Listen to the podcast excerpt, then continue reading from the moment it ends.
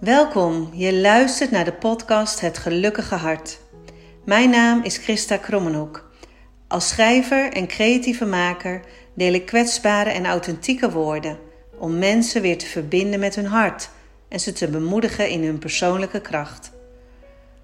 De gouden inslag in het hart van deze podcast, met de vingerafdrukken van mij en mijn vader, verwijst naar de kracht van liefde en het vaak niet zichtbare goud wat de rafelranden van het leven in ons hart achterlaten. There's a crack in everything. That's how the light gets in. In deze podcast deel ik mijn inspiratie met je over de momenten dat het echte leven bij je voor de deur staat. Wanneer je hart misschien eenzaam of verdrietig voelt en je niet weet wat je met al die verschillende gevoelens aan moet. Ik laat je zien hoe je met creativiteit en schrijven uiting kunt geven aan dat wat er in je hart leeft, om lichter en met meer plezier in het leven te staan. Veel mensen missen een hand die ze helpt met opstaan als het ze door omstandigheden zelf niet lukt. Daarom reik ik mijn hand uit naar jou en hoop ik dat mijn geschreven en gesproken woorden je hart zullen verwarmen en dat het je helpt om in moeilijke tijden weer symbolisch op te staan. Dus pak maar mijn hand en ga met me mee op reis in jezelf.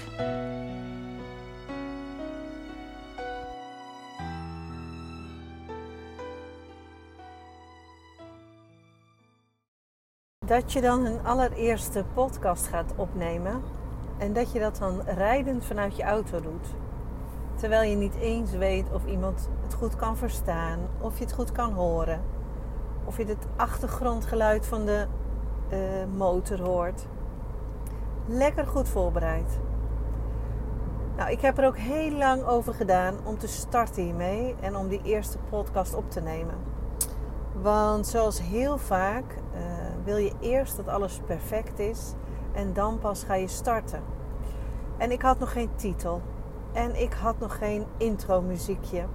En ik had nog geen foto voor die podcast episodes, nou van alles en nog wat om maar niet te hoeven starten. Ik was te druk met andere dingen. En dan wacht je en dan wacht je, net zo lang tot ik dacht, maar wanneer ga ik dan beginnen? Nou, wat is nou eigenlijk een podcast? Ik heb heel lang niet geweten wat een podcast was. En dan zei iemand tegen mij: Oh, heb je dat en dat al geluisterd? En interessant. En kun je allemaal podcasts downloaden? Die kun je overal luisteren. En ik had totaal geen flauw benul. En alles wat ik niet ken, dat schuif ik eerst nog even heel ver voor me uit. Voordat ik daaraan ga beginnen. Maar ik vond het nu ook wel tijd omdat ik dacht: het is niet altijd fijn om een video te bekijken. Ik zelf kan daar ook niet altijd tegen, want dan zie ik en het beeld en ik hoor de stemmen. En soms is dat net even iets te veel informatie. Soms is het gewoon lekker als je op een knopje kunt drukken en je hoort het alleen maar in je oren zonder een beeld erbij. Dan kun je het ook echt overal luisteren. Want als je geen beeld erbij hoeft te bekijken, dan kun je gewoon je blik op de buitenwereld houden. Je kunt autorijden, je kunt op de weg letten, je kunt wandelen met de hond. En tussendoor, ondertussen, luister je de podcast van inspirerende mensen. Nou, ik kon nog heel lang wachten met deze eerste podcast. Ik kon nog heel lang wachten, wat andere mensen ook heel vaak tegen mij zeggen.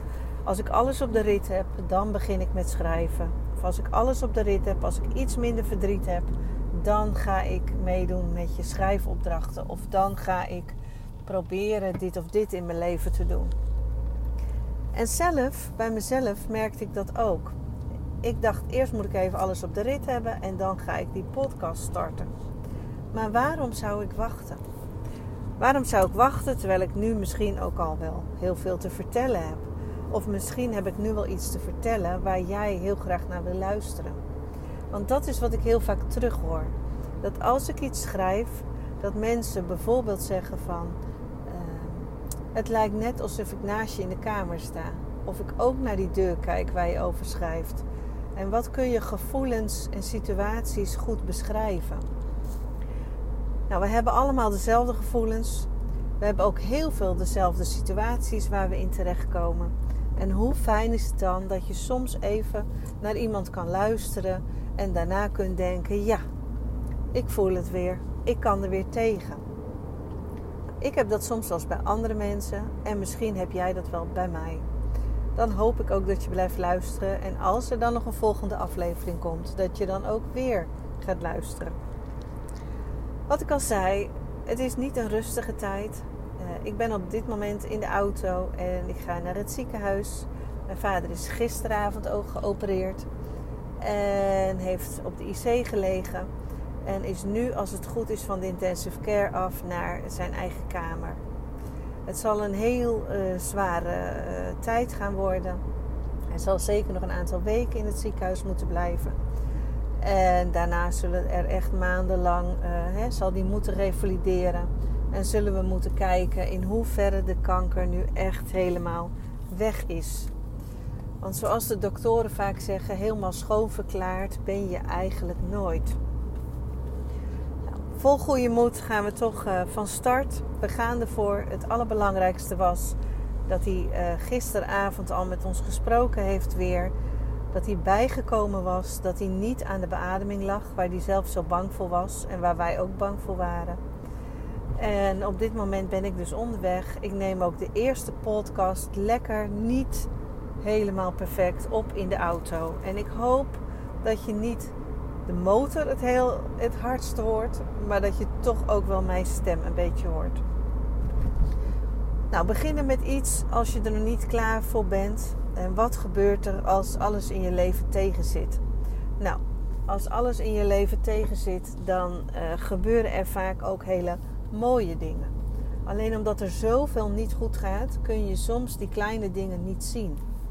En ik heb er nog een eh, video over gemaakt. Die staat in de serie Dit is je leven op YouTube. En volgens mij is het video 13. En dat gaat erover als alles je tegenzit. Het gaat over de law of opposite. In alles wat er niet goed gaat, zit heel veel moois verborgen.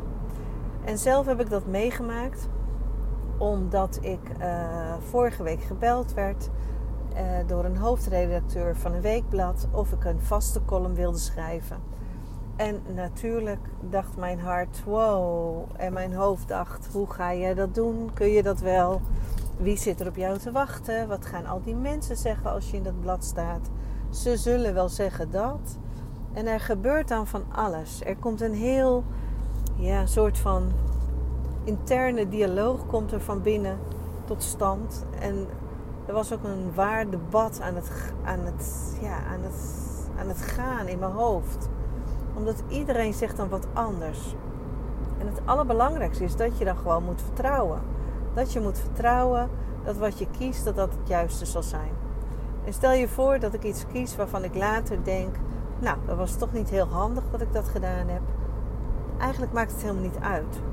Want alles wat je doet, daar zit gewoon een les in. Daar zit iets anders in. Daar kun je iets mee en je leert ervan. En misschien brengt het wel heel veel mooie dingen. Dus het is een beetje druk. Want morgen wordt die eerste column gepresenteerd. Gepresenteerd in het weekblad Privé. Op dit moment ben ik dus naar mijn vader. Die dus net van de intensive care afkomt. Morgenochtend vroeg, zeg maar vannacht, uh, gaat mijn zoon gaat voor vijf maanden naar uh, Madrid. Dus die zal vijf maanden lang weg zijn.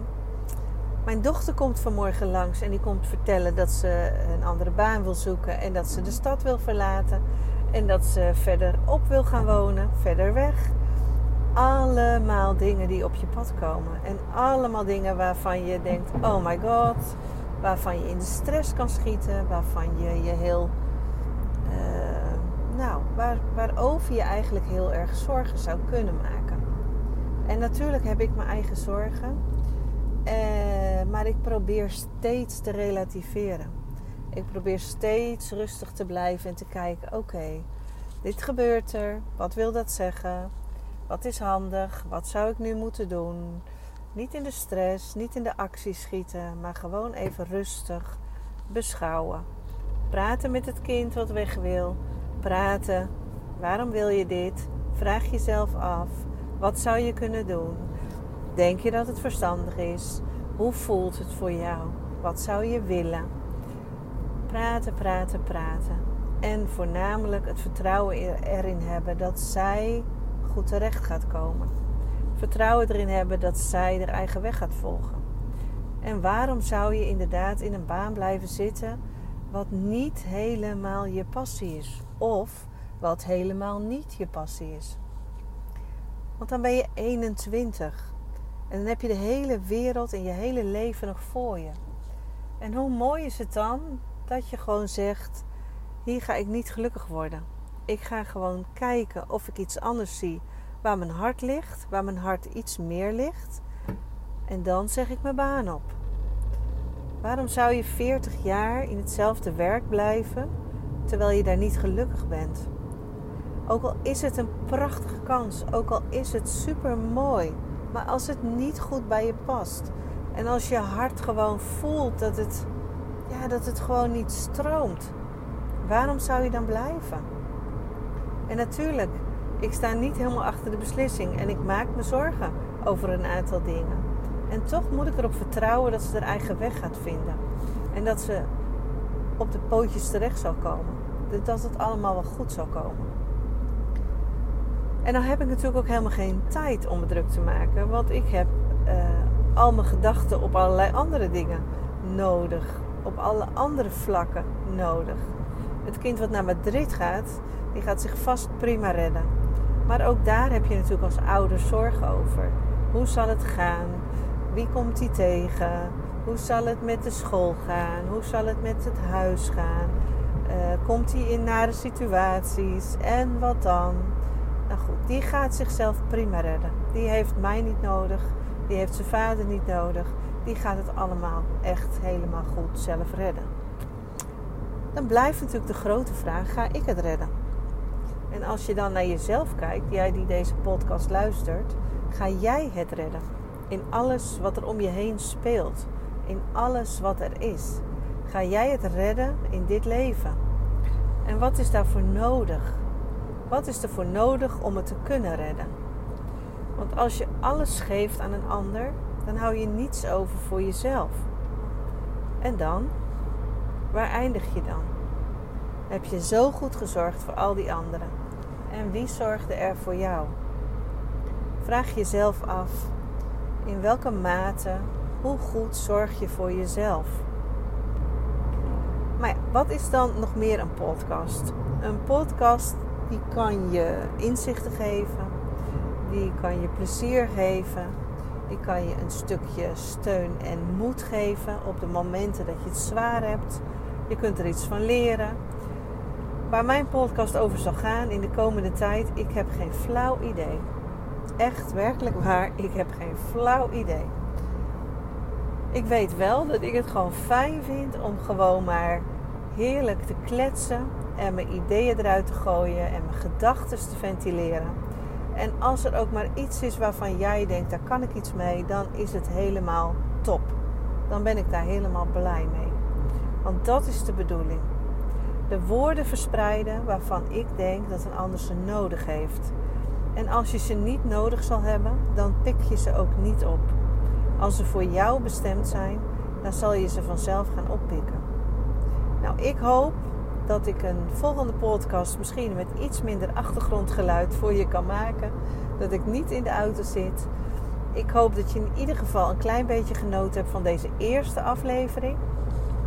En ik ben heel benieuwd, net als jij, waar de tweede aflevering over zal gaan. Tot de volgende keer. Hoi hoi.